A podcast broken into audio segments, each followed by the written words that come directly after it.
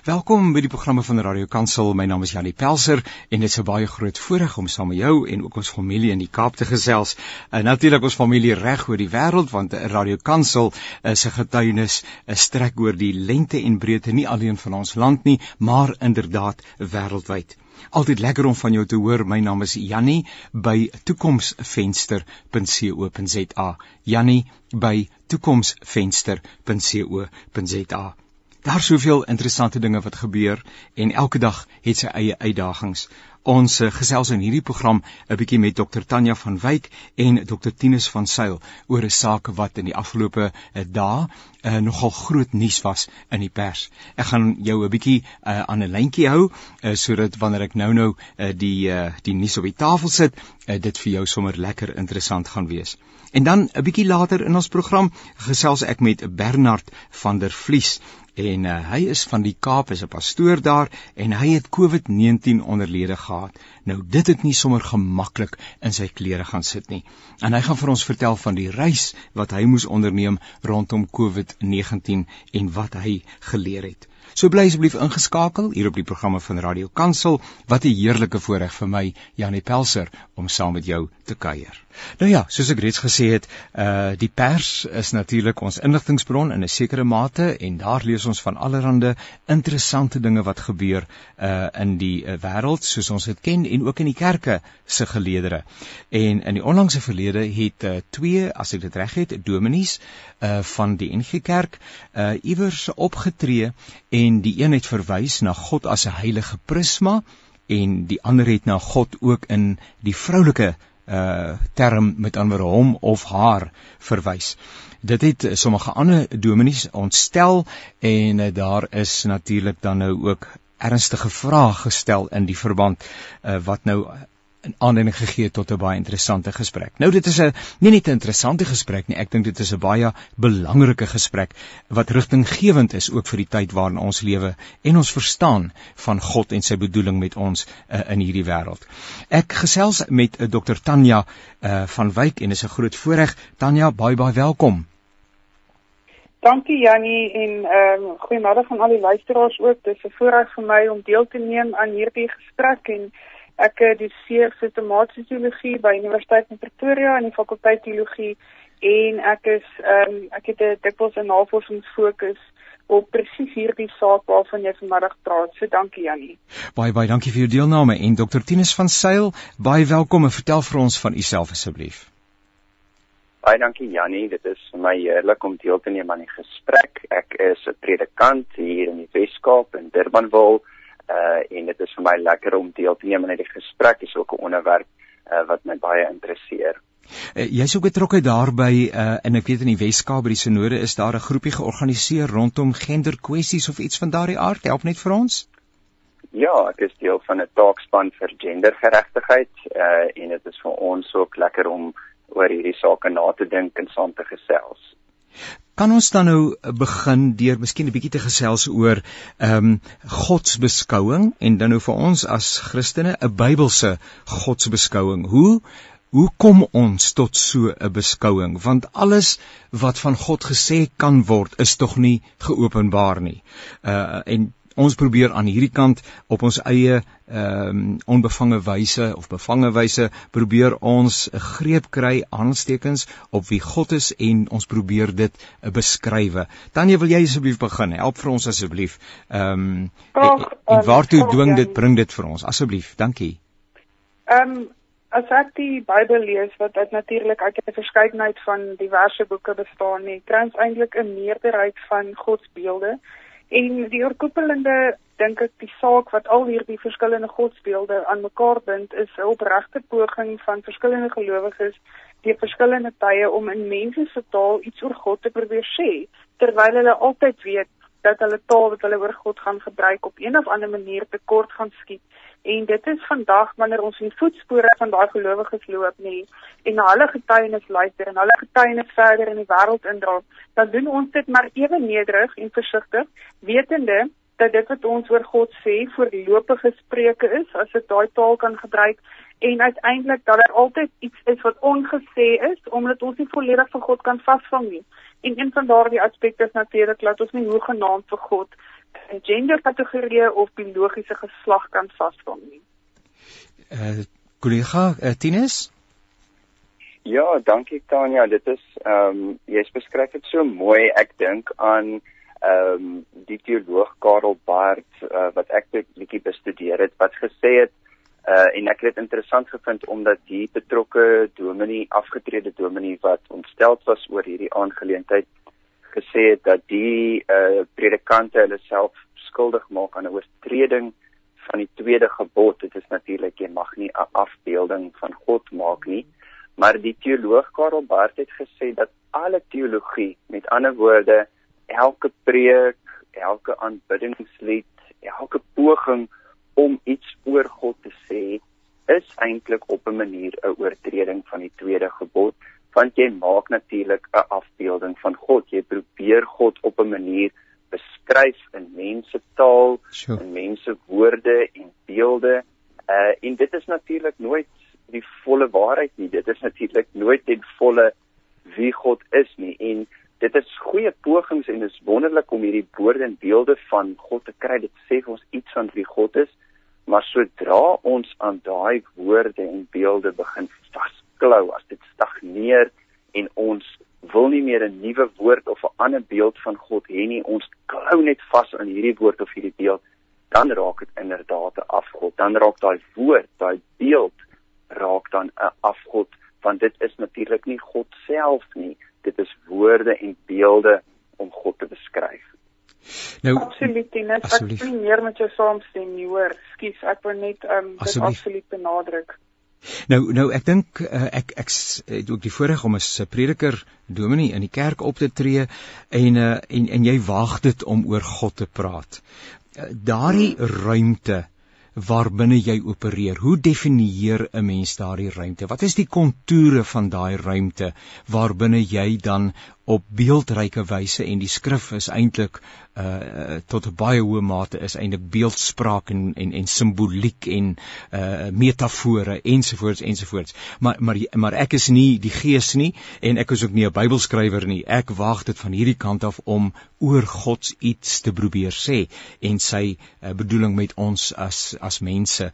Um, wat hoe definieer mens daai ruimte? Tanya, uh, Tinus, uh, dis mos nou moeilik. Ja, ek sou graag hoor wat Tinus wil sê voordat ek hierdie keer bietjie reageer op wat hy sê.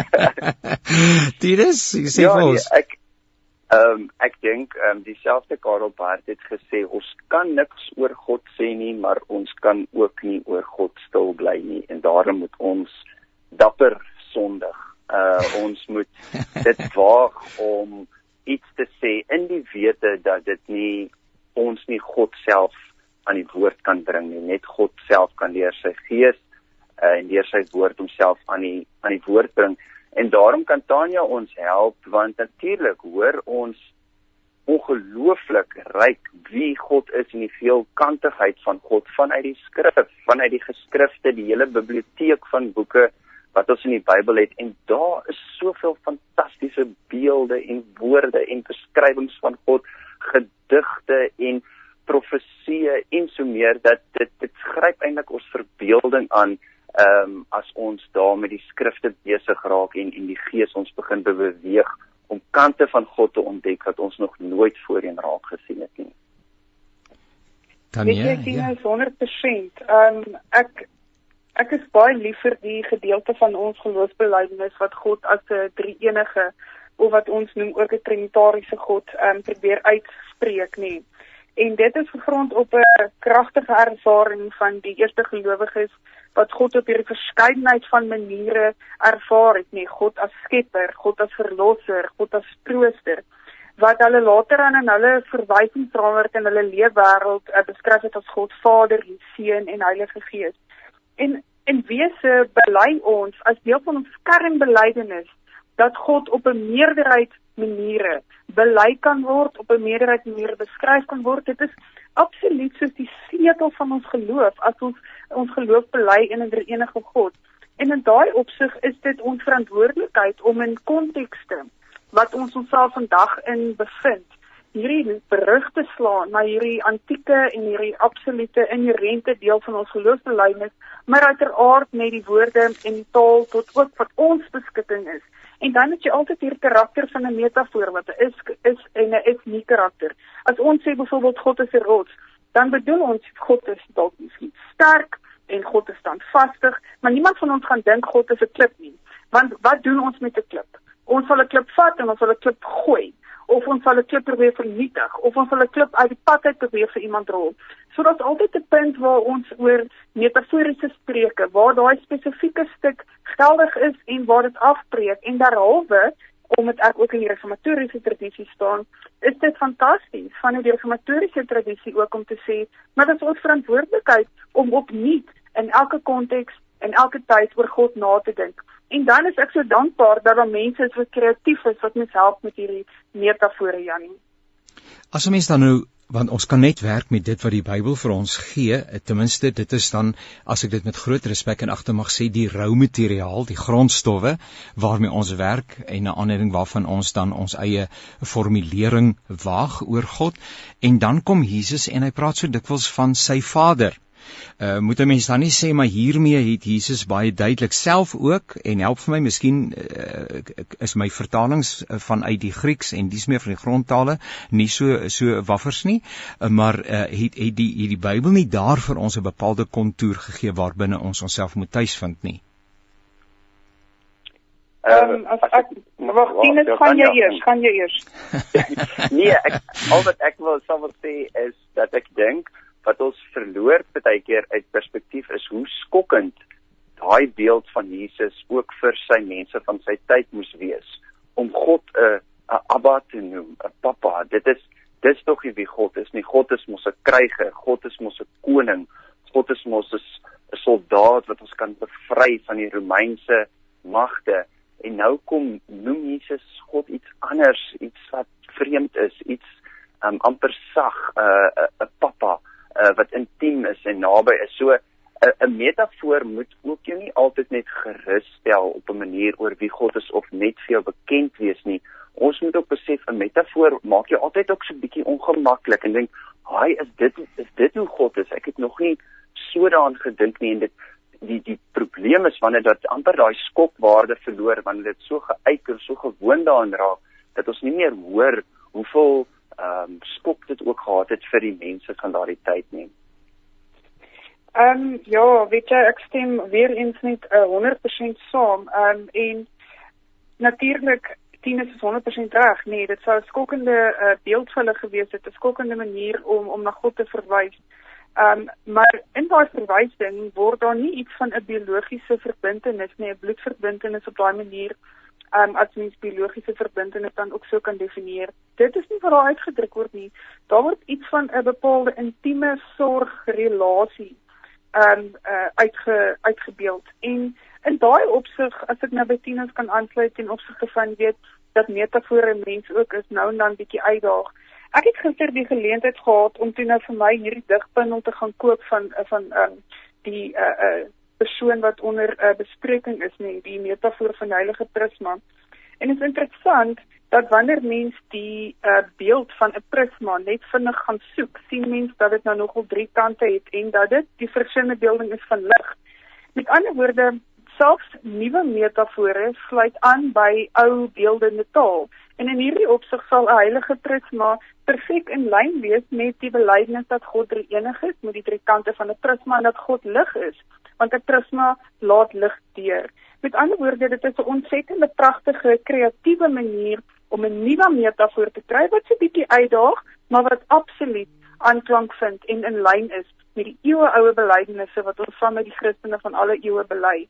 En in baie opsigte is ek dankbaar dat iemand kreatief genoeg is om my te help om om woorde te vind terwyl ons almal erken dat ons spreuke oor God maar altyd net verlopig is, Janie. Tanya, jy het hier in die begin gesê dat jy ook 'n navorsing as jy reg gehoor het 'n navorsingsbelang uh, by hierdie saak. Wil jy ons net 'n bietjie daar daarop inlaat?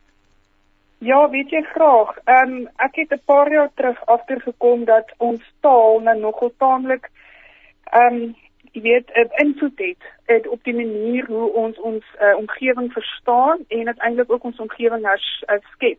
Daar's 'n baie sterk verband tussen ons taal en ons uh, sosiale omgewing en werklikheid. Met ander woorde, ons gebruik tog taal om dit wat rondom ons is te kan beskryf. En in die Afrikaanse ge, uh, um, gebruik natuurlik het ons die uh, uh, baie bekende gebruik dat al ons voornaamwoorde uitsluitlik manlik is. So wanneer ons in Afrikaans byvoorbeeld die Bybel lees, dan um, sien ons daardie woorde in Afrikaans het jy die gebruik byvoorbeeld dat 'n tafel hy is en 'n stoel hy is en die selfoon hy is. En dit is 'n bepaalde taalvorm en as ons teruggaan na die Bybel is daar 'n bepaalde kultuurparadigma waarin daai geloofsbelijdenisse gegiet is. En ek doen graag navorsing om te kyk hoe dink ons na oor God? Watse tipe taal gebruik ons oor God en watse implikasie het dit? Want ons leef in 'n samelewing in 'n wêreld waar uh, vroue geweldig uh, swaar kry um, ten opsigte van geslagsgebaseerde geweld. En daar is bewese navorsing wat aantoon dat daar ongelukkig 'n verband is tussen ons kultuur en ons godsdiens wat hierdie bepaalde geweld ongelukkig in sommige gevalle veroorsaak en in ander gevalle in stand hou. En daarom is dit 'n saak wat nogal na my hart lê omdat um, ons van die uh, boodskap van die evangelie um, dit moet ons uitdra ons moenie kultuur waarin die boodskap uh, geskets is en oorvertel is dis nie ons taak om dit oor te dra nie dis ons taak om die evangelie uh, te destilleer en te sê maar waaroor gaan dit werklik so dankie Jannie dit is nogal 'n belangrike saak vir ons samelewing vandag Nou Martinus, ja, asseblief. Ja, asseblief. Ek kan aansluit. Ja. Ehm um, dankie Tanya daarvoor. Ek het self twee dogters en ek wil ook graag hê dat hulle in 'n wêreld kan groot word waar hulle weet dat hulle ook 'n stukkie van die beeld van God in hulle het. Daar staan immers dat die mense geskape na die beeld van God, man en vrou en dat daar ook 'n stukkie van die beeld van 'n prentjie van God in hulle is. Dat dat God is immers mos nou nie 'n mens nie. God is immers mos nou nie 'n man nie en dat hulle nie ehm um, moet dink in hierdie samelewing dat ehm um, eintlik eintlik is God 'n man nie. Uh dat hulle weet daar is ook 'n stukkie van die beeld van God uh in hulle. Toe ek in Kenia gekom het 'n paar jaar terug, was ek eintlik so verbaas toe ek in mense se huis kom en ek sien want toe soos ek gestap het daarso het van die kindertjies my Jesus genoem en ek kon nie verstaan wat aangaan nie totdat ek in 'n huis kom en ek sien maar hier is 'n prentjie nog van die kolonialisme van 'n wit Jesus, 'n wit Europese Jesus wat opgeplak is teen die muur. Nou Jesus was natuurlik nie 'n wit man nie. Hy was 'n Midde-Oosterse Arabier. So dit het 'n effek dat die kindertjies dink hulle kan nie iets van Jesus in hulle self raak sien of iets van God in hulle self raak sien nie. Hulle dink ek lyk soos Jesus want ek het 'n wit Europese vel.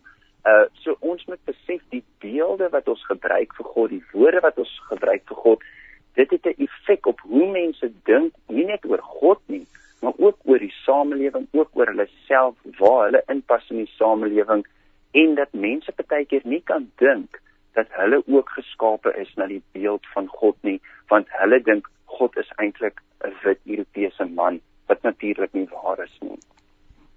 Nou maar as mens dan nou konsekwent probeer konsekwent probeer wees in hierdie tyd van gendersensitiwiteit en oud begrip daarvoor ook in die lig van wat jy nou gesê het, uh, het ons dan nou weer 'n nuwe vertaling van die Bybel nodig. ons het sopas uh, met die ander een het sopas verskyn uh, en uh, maar nou uh, lyk dit vir my uh, hoe gaan ons dan met die teks om in die Bybel wanneer daar dan nou op 'n in manlike 'n manlike idioom gepraat word oor God, maar dit eintlik nie meer ehm um, volledig uh, verteenwoordigend of van toepassing is of ehm um, reg verstaanbaar is nie. Help 'n bietjie vir my Tanya, uh, het jy al begin skryf aan 'n nuwe vertaling?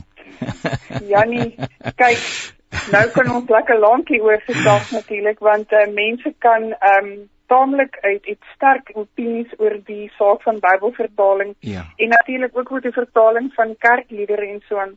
Net 'n vinnige opmerking want ons kan nie vir daarlank daaroor praat nie en dit is natuurlik dat ehm um, Jesus wel 'n man was, nee, dat Jesus in daardie gedaante mens geword het en dat wanneer mens 'n uh, voornaamwoorde gebruik in opsigte van Jesus, dit uiteraard manlik sal wees. Ja. Ehm um, ek bedoel dit is nie die leefwêreld en die kultuur van die tyd Maar ehm um, daar is maniere om inklusief oor God te praat, maar die bottom line is as ek net die Engels gaan gebruik, ja, nee, dit is nie 'n probleem as mens hierdie geslag aan God koppel nie. Dit raak 'n probleem wanneer dit die tipe van uitdruklike vorm word waaraan God gegiet moet word en dit word 'n bassteen van 'n mens se geloof uiteindelik dat jou geloof staan en val daarbey dat God hy en hom is.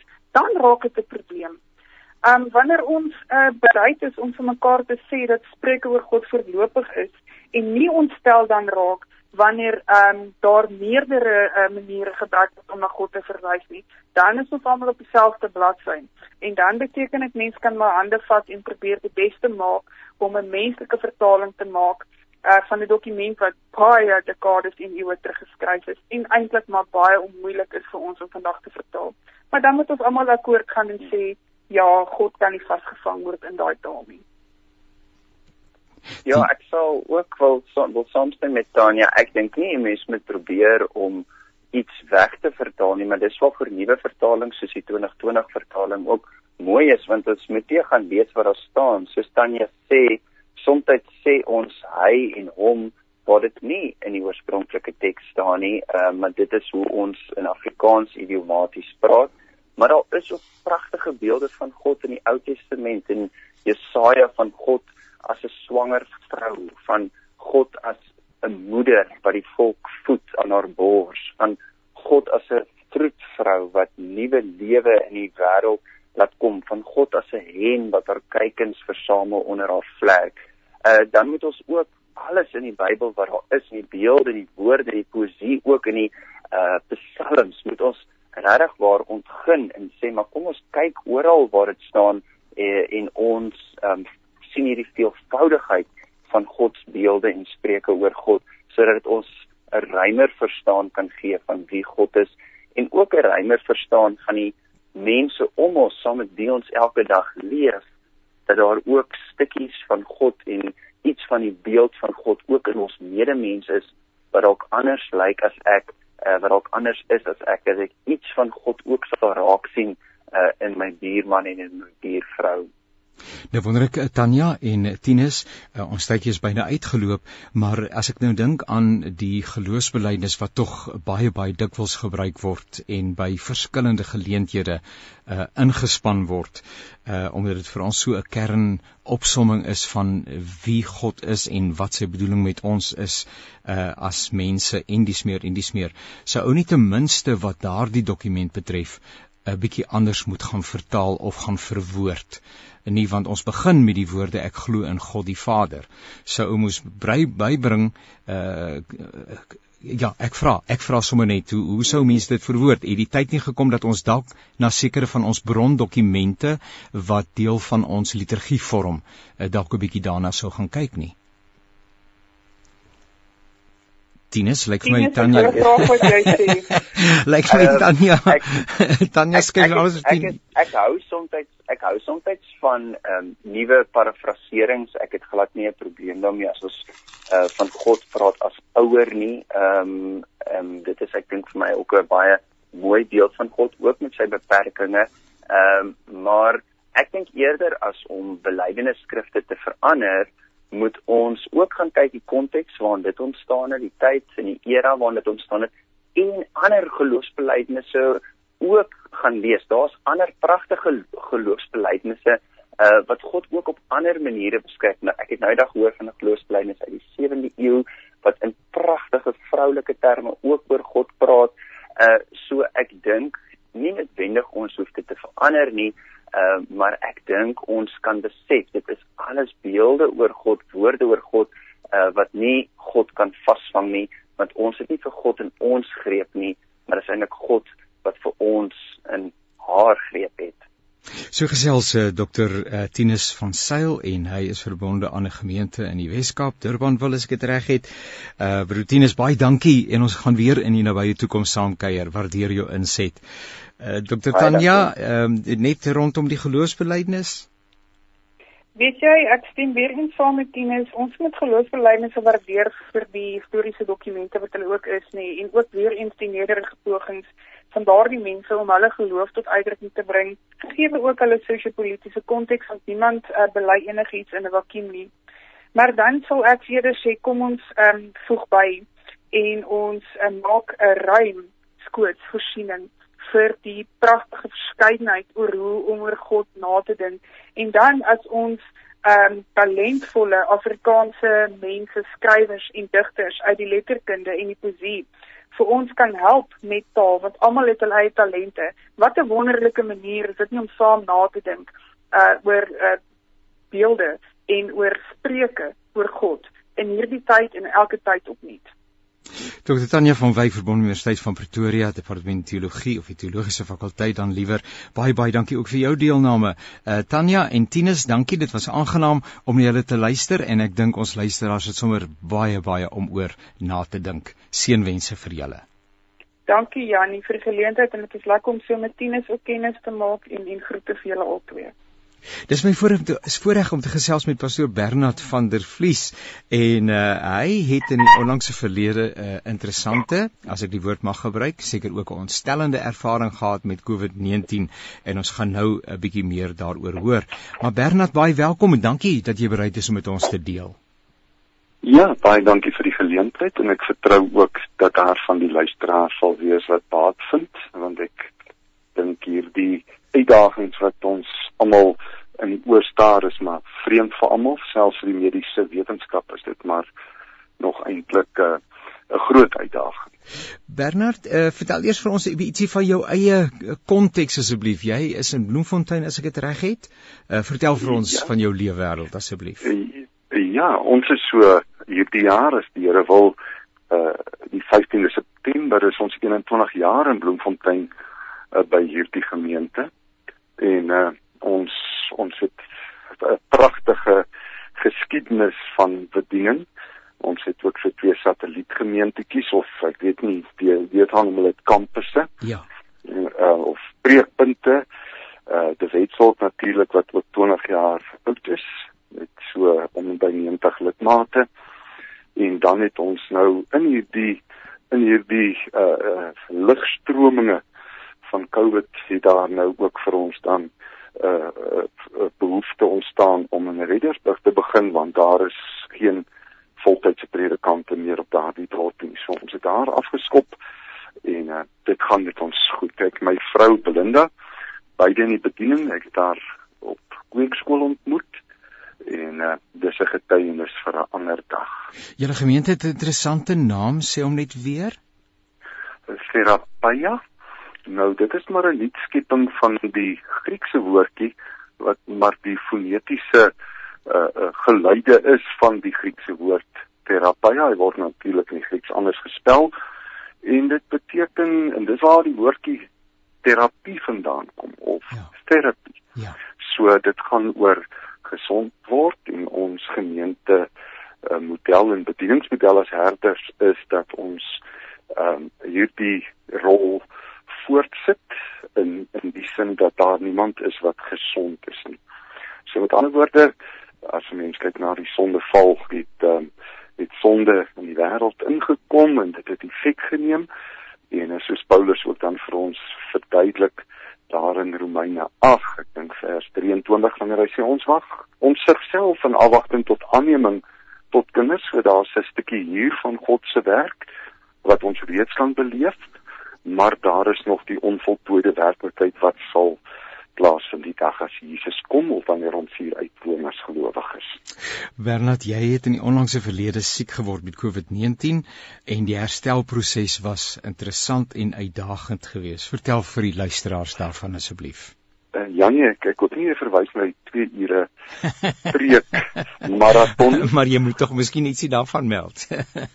ja, ja, ag ek dink um, ek dink die groot uitdaging het maar gelê um, binne die veld van uh COVID is amper onbegrens binne die mediese wetenskappe in terme van simptome.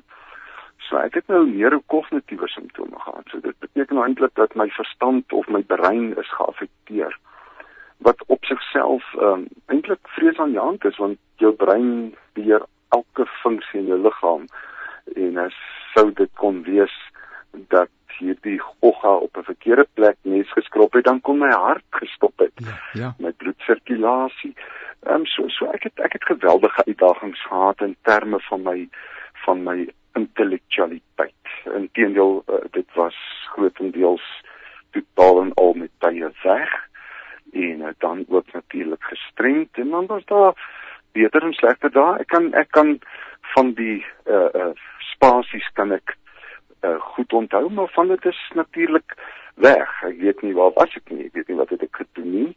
Ehm um, so ja, dit was dit was 'n moeilike situasie gewees in terme van 'n mens se funksionering want elke mens funksioneer maar op 'n eie uh, ontwikkelde standaard en uh, natuurlik nou wanneer 'n ou van jou breinkapasiteit verloor en op 'n plek nie is die twee maal tafel kan uh, probeer uit uitpleis nie dan dan dan maak dit 'n mens uh, of sou dit 'n mens kon moedeloos maak Ek kan dit absoluut dink.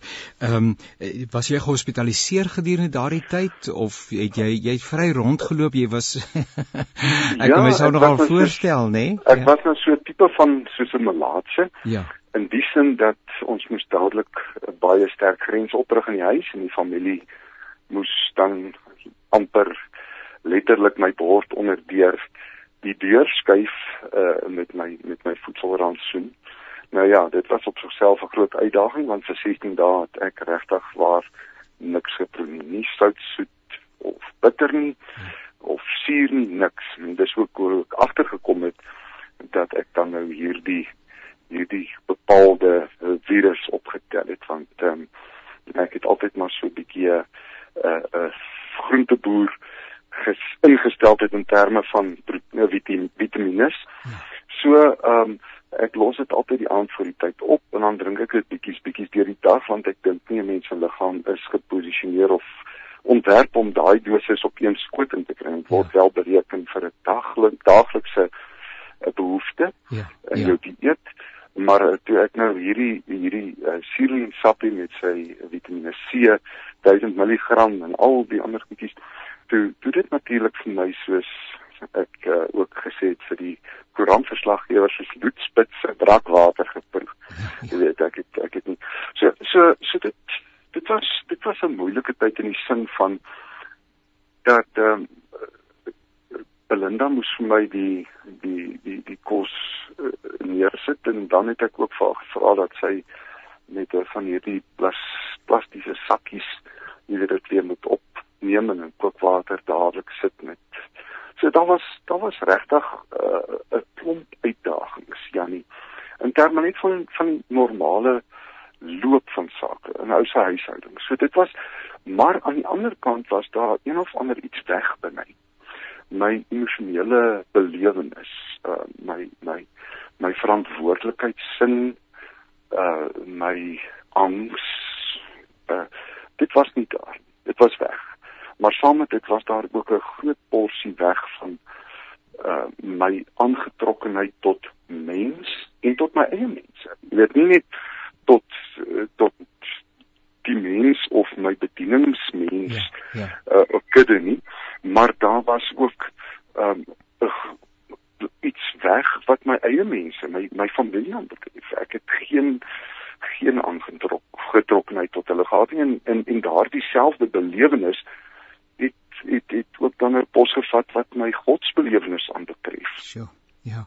Op watter stadium het jou mense want ek dink nie hierdie simptome word normaalweg geassosieer met COVID-19 nie. Ek het dit nog nie ooit regtig so raak gelees nie alhoewel eh, 'n uh, mens bewus word daarvan dat uh, daar ook um, uh, op emosionele vlak skade kom baie keer en dat dit veral agterna uitspeel uh op verskillende maniere in Swaan. Maar op 'n stadium moes jou mense, jou huismense en selfs ook die gemeente en dis meer sê maar ons dominee is nie homself nie. Uh ons wonder wat is met hom aan die gebeur en om die kloutjie by die oor te bring en te sê maar hierdie is een van die maniere waarop COVID-19 in sy lewe uitspeel. Uh, dit het seker 'n bietjie tyd geneem of onderskeiding geneem of dit moes seker 'n interessante oefening gewees het. Ja, die, die ding is Janie, ehm um, my Belinda se bedieningsomvang weet ek ek ek skerp nou altyd met daai uh Jabese gebed ja. van Bruce Wilkinson. Jy weet dan sê ek as jy nou bid dat die Here jou grondgebied met meer maak, dan moet jy weet jou verantwoordelikheid raak groter en en ja. jou jou aanvalsgebied raak ook groter. Jy weet ja. so ou moet ou moet natuurlik so uit die aard van die saak ehm um, het ons in ons gemeente 'n klomp eisters in die vuur nie omdat ons dit gekies het nie omdat die Here ons daarmee ja, vertrou het. Ja, ja, ja. Ons het 'n kinderhuis met 18 dogtertjies en ons het 'n kleuterskool en ons nou die twee bedieningspunte. Nou uit die aard van die saak, ehm um, het het was daar mos nou van hierdie boere raad medikuste. Ja. Uh, wat nou wat nou hierdie simptome opgehou het en dan nou uh, hulle afleidings gemaak het. Waaronder my my kosbare beter helfte beste vrou um, ook sekerlik iewers moes wonder maar hierdie simptome lyn op met die standaard jy weet ek ja. nie respiratories of asemnood nie ja. ek het ek het ek het iets is fout ehm um, in in in toe het 'n paar nou die afleiding gemaak dis uitbranding jy ja, weet want ja, daar ja. was hierdie hierdie hierdie hoofpynne hierdie lustelose geen aangetrokkenheid geen ja. verantwoordelikheid jy weet so so so baie van die uh, ek wil amper sê van van van die patologie wat ek dan nou beleef het die die die die die stikkende deel wat ek beleef het kon maklik oplei met met uh, met met die gedagte van uitbrand. Ja, ja. Weet en, en jy het gevra wat ek was ek gehospitaliseer. Nou ehm um, jy weet van 26 Augustus af 2020 het 'n ou aanvaar die gemiddeld is is daar 'n week of 2 3 dan dan sien oor die dinge. Dit is ook hoe ek self half myself gesê het maar iewers te gaan dit ophou en 16 dae later het my smaak teruggekeer en ek het gedink ek is gesond. Ja, ja. Maar toe gebeur daar vreemde goed. Toe gaan my bene dood, weet nou halwe spelde en hulle raak toe nou half so swaar stompe hier onder my en 'n uh, paar dae later my voete mors dood, yskoud, spierwit Ehm so. um, so so daar daar verskillende simptome ingespeel en ek het geweet ehm um, ek is siek, maar ek ek wil niemand oortuig dat my siekte verwant is aan COVID nie. Ja. So ehm um, toe ek nou vroeg in November het ek 'n afspraak gekry by 'n neuroloog en hulle het my toe nou opgeneem en dan nou al die nodige skanderings gedoen en ek het op 'n stadium soos 'n marsmannetjie gelyk met al die ja. draadjies op my ja. op my hoof. Net so in in toe die uitslag kom en die neuroloog my sê hierso is hier's duidelike aanduiding dat daar van jou bloedvlakke totaal en al buite ehm um, kliniese uh, grense lê. Ja. Soos byvoorbeeld my kortisol. Nou hulle kan dit meet. Ehm um, en en en dit is wat inflammasie uh, jy gaan ons nou vir 'n kortison inspuiting so dis daai stukkie iets wat die Here in ons gesit het om inflammasie te beveg. So toe moes moes ek nou natuurlik ehm um, behandeling kry daarvoor en hy het gesê kortisol word deur jou bynniere afgeskei so ons kan aanvaar dat jou dopamien of jou noradrenalien en serotonien nou kyk dis groot woorde. Ja, dis groot woorde. Um, ja. Dat van hierdie goede dat hierdie goed ook nie reg is nie. En dit het my natuurlik op 'n skedule 6 medikasie gesit en vir my sê om dit vroeg in die oggend drink want dit hou jou 12 ure wakker. Nou, net die medikasie het ek dikwels 9 uur, 10 uur, dan is dit net asof ek wegraak soos met narkose en dan word ek eers heelwat later wakker. So ek was heeltemal disfunksioneel in 'n groot mate. Jy weet so ag, en toe die toe die die wetsoort gemeente uh, vir ons 'n rusplekkie gereël daar by uh, Boesmanrivier en met die gedagte dis uitbranding want ons het te veel eisters in die vuur en ja. te veel verantwoordelikhede en van daai hele 10 dae skoolvakansie weet ek net van drie klein stukkies van 'n legkaart sure. wat gebeur het. Jy ja. weet so dit dit was dit was so um in in ek ek het ook nie hierdie uh, uh reis gehad om iemand te probeer oortuig dat ek siek is nie want ek op 'n stadium het ek self gedink weet Belinda gaan dink ek is psigosomaties. Ja, ek ek sit so, aan ek, ja, ek ja ja. dis dit op. Met die gedagte van jong as dit dan nou so moet wees en dit is ook hoe uh, Maritjie Gericke die artikel gedokumenteer het ehm uh, jy weet dan is dit maar net 'n adresverandering dit daar's geen aangetrokkenheid maar die goeie nuus Janie ja. is dat En ek dink dit is daar's daar's 'n paar dinge wat ek regtig waar uh, met my kon saamneem toe ek nou gesond word en kon opneem en en anders te kon verstaan. Ja. En dit is dit is die feit dat of my mense hier was of nie, hoe ek gevoel het oor hulle, het nie hulle bestaan bepaal nie. Dit het jy weet er in gesê dat ons dink daarom is ons. Ja. Jy, jy die mens soek al vir baie jare soek hy na na rede om homself en om God te verklaar. En uh, net so min as wat my afwesigheid van van aangetrokkenheid die realiteit van my mense gekonstitueer het of bepaal het. Net so min het dit daai selfde gevoel ehm um, God se werklikheid bepaal. En ons wil baie keer God se werklikheid verdiskonteer aan ons ervaring, aan ons verstaan, aan ons begrip. En en hier lê 'n moeilike stuk uh ek weet nie of dit uh, sielkundig is, is dit chemiese, maar die feit dat ek geen aangetrokkenheid gehad het op God of drang om te bid of om Bybel te lees nie, was as ek daaroor dink na die tyd vir my verskriklik want ek is baie lief vir die woord van die Here. Ek ek oordink dit dag en nag. Ek lees dit. Ek bewaar dit in my hart. So dit dit was dit was moeilik maar dit het my ook by die punt uitgebring.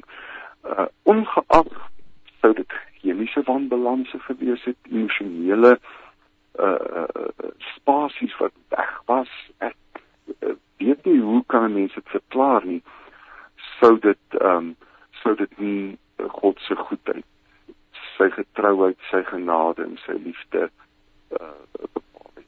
Inderdaad. Dit is 'n dit is 'n belangrike ding. Ja. Bernard, ten spyte van hoe ons voel, ja, God ja, is. God is nie en dit hang nie van ons af nie en dis op 'n manier weer vir my 'n goeie definisie, 'n uh, 'n um, praktiese uh, uitspeel van wat genade beteken dat dit eintlik met ons niks te doen het nie. Bernard net in 'n is in 'n kort in 'n sinnetjie. Ehm um, hoe sal hierdie en hoe impakteer hierdie ervaring jou bediening? Ehm um, jy weet mense sê dikwels ja. my lewe kan nooit weer dieselfde wees nie. Net kortliks maar maar in jou eie verstaan van waartoe God jou roep en julle gemeente roep net so ietsie. Ja.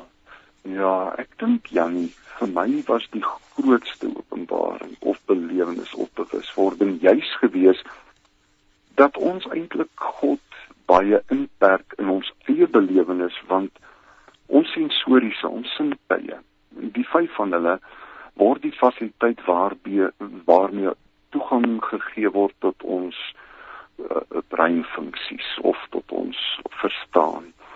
En dit hoeveel hoeveel gelowiges is tevrede om op 'n Sondag 'n diens by te woon en hulle hoor so hulle gehoor word ingespan en uh, dan sing hulle jy weet hulle hulle ja. hulle hulle kan hulle en hulle sien Ehm um, so eintlik die sien en die hoor is mos nou twee van die primêre uh van ons uh sintuie. Maar as 'n mens soos wat ek daai Saterdagoggend ek dink dit was die 5de Desember bewus geword het dat ek skielik weer my gehoor uh terug het. Ek hoor die swembadpomp, ek hoor die motorvoertuie in die naburige straat, ek, ek hoor die voeltjies. Dit het besef dat as ons God wil afskaal tot net sien en hoor, maar ons beleef God, ons ervaar God, ons voel God, ons ruik God. Ja, ja. Ons proe God. Nie. Ek wil daar sien vir die psalms wat sê smaak en sien dat God ja, is. Ja. Ja. Um, ja. So so dit het vir my op 'n plek gebring waar ek regtig waar besef as gelowiges moet ons ons harte weier oopstel. Ons waarneming, ons sintuie as te ware geestelike sintuie ontplooi en anders kyk en hoor, profeties hoor, ook die pyn van ander mense. Ja, ja. Hoor. Inderdaad. Jy moet dit te sien, jy kan dit hoor. So so ek dink dit het absolute 'n groot bewustheid by my gebring van dit wat weg was by my menslike wys, het teruggekom.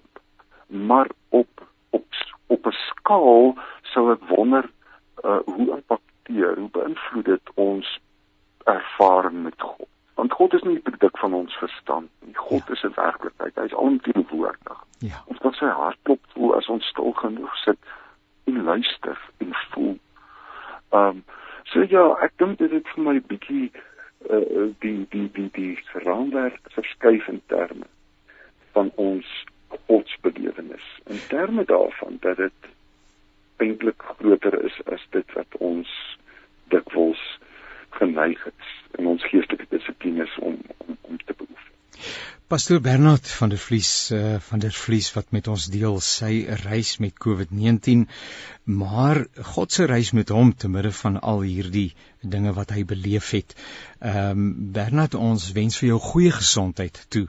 Uh vriendelike groete vir jou gesin, vir julle gemeente en uh baie seën met die mooi werk waarmee julle besig is en uh mag ook hierdie hierdie hierdie ryker verstaan van God ehm um, vir wie ons deur ons totale sintuiglike ehm um, menswees kan beleef, mag dit ook jou bediening op 'n kragtige wyse uitbrei. Baie dankie vir die saamgesels, ons waardeer. Baie dankie Jannie en een teksversie wat ek by die luisteraars wil los is Psalm 16 vers 5. Natuurlik vers 6. Ja. Wat Dawid kom en sê omdat God deel is, is my eie woorde van my lewe en my bestaan besluit hy wat met my gebeur. Ja. En dit is 'n uh, God is in beheer. Ja. Amen. En uh, God besluit en dan kan ons rustig wees. Dan ja. kan ons aanvaar wat oor ons weg as gelowiges kom. Baie seën, baie liefde en dan elke radiokansel luisteraar mag God se teenwoordigheid op 'n ryk en 'n veelsidige manier in jou lewe 'n werklikheid wees. Dankie Jannie. Bernard seënwense, groetnis, ons gesels weer in die toekoms. Ek is seker dat jy lekker saam geluister het en 'n hele klomp dinge geleer het en ook 'n paar goeders het waaroor jy kan nadink. En dis ook die bedoeling van programme soos hierdie hier op die senders van Radio Kansel sodat daar inligting jou kan toe kom uh, wat uitgespreek word deur meningsvormers, mense wat weet, mense wat goed onderlê is in hierdie geval in die teologie dan in die besonder en wat dan gesigspunte op die tafel plaas vir jou om te oorweeg. Jy mag nie altyd saamstem nie, maar jy moet ten minste 'n goeie rede hê hoekom jy nie saamstem nie, né? En op dië manier verryk ons mekaar uh, terwyl ons deel in die gesprek van die dag. Dr Tanya van Wyk en Tinus van Sail, uh, die twee doktore, baie baie dankie vir hulle deelname en ook aan pastoor Bernard van der Vlies wat so 'n bietjie vir ons vertel het van hierdie interessante reis wat hy met COVID-19 gehad het en ons is so dankbaar dat hy aan die ander kant uitgekom het, dat hy gesond is en ek dat hy dat hy kan voortgaan met die bediening waartoe die Here vir hom geroep het. Onthou die programme van Radio Kansel in hierdie geval dan nou 'n naweek aktueel, maar ook perspektief waarvoor ons verantwoordelik is op 'n Woensdag tussen 11:00 en 12:00 is as potgoeie beskikbaar op Radio Kansel se webwerf www.radiokansel.co.za www.radiokansel.co.za en dit gaan vir jou enorm verryk om ook 'n bietjie weer daar na hierdie en ook ander programme te gaan luister wat gedeel is. En uh baie keer is 'n ding so in die verbygaan jy het nie kans gehad om hom behoorlik te luister nie maar nou het jy die geleentheid om dit goed uh na te, weer uh te, na te luister. Uh onthou ons program op 'n Woensdag perspektief wanneer ons is saam met mense soos Dr. Andre Dievenage, uh ook saam met uh, Gary Kieswetter, die baie bekende Gary Kieswetter en ander mense saam kuier oor ons land Suid-Afrika, die uitdagings wat ons tans moet ervaar, wat die Here daaroor te sê het, uh en natuurlik dan ook mense wat uh politieke wetenskap, die ekonomie ensovoorts ensovoorts hulle studieveld gemaak het, die perspektiewe wat hulle op die tafel plaas. Dankie vir Zani wat vir ons help om ons programme uh, natuurlik tegnies goed versorg te kry en al die ander medewerkers hier by Radio Kansel. Laaste maar nie die minste nie, baie dankie vir jou wat ingeskakel het. Ons hoor graag van jou. Tot 'n volgende keer, alles wat mooi is.